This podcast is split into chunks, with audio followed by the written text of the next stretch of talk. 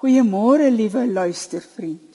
Of jy nou vol vreugde wakker geword het of met swaar gemoed, ontspan 'n paar oomblikke saam met my. Ons tema die volgende paar oggende is jy is vir God kosbaar. In Hosea 11 lees ek dat die woord maar 3 keer gebruik word. God het vir sy volk soos 'n vader opgetree. Hy het hulle bevry, leer loop, op sy arms gedra, met liefde versorg en gevoed. Hy was soos iemand wat die juk oplig as dit die trekdier skaaf. Dan hoor ons die eerste maar in vers 2. Maar toe die Baals roep, sê God, wou hulle nie erken dat dit ek is wat vir hulle sorg nie. Aan die een kant kom hulle wel die letter van die wet na.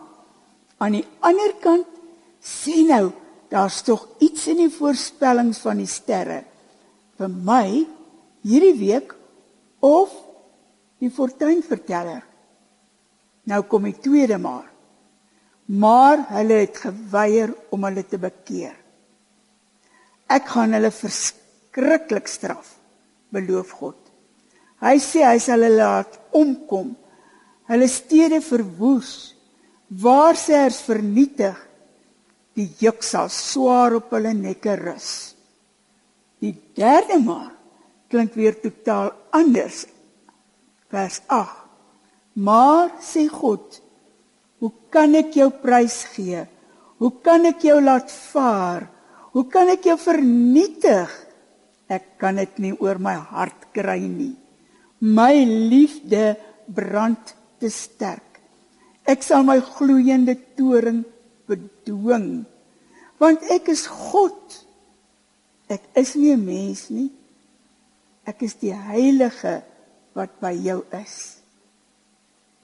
God sê vir oggend vir jou en vir my ook. My seun, my dogter, ek het jou leer loop. Op my arms gedra.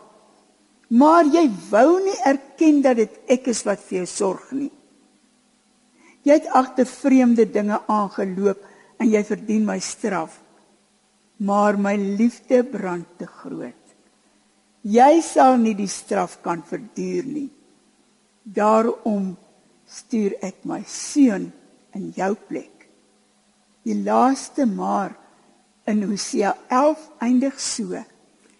Ek sal hulle na hulle neste toe terugbring, sê die Here.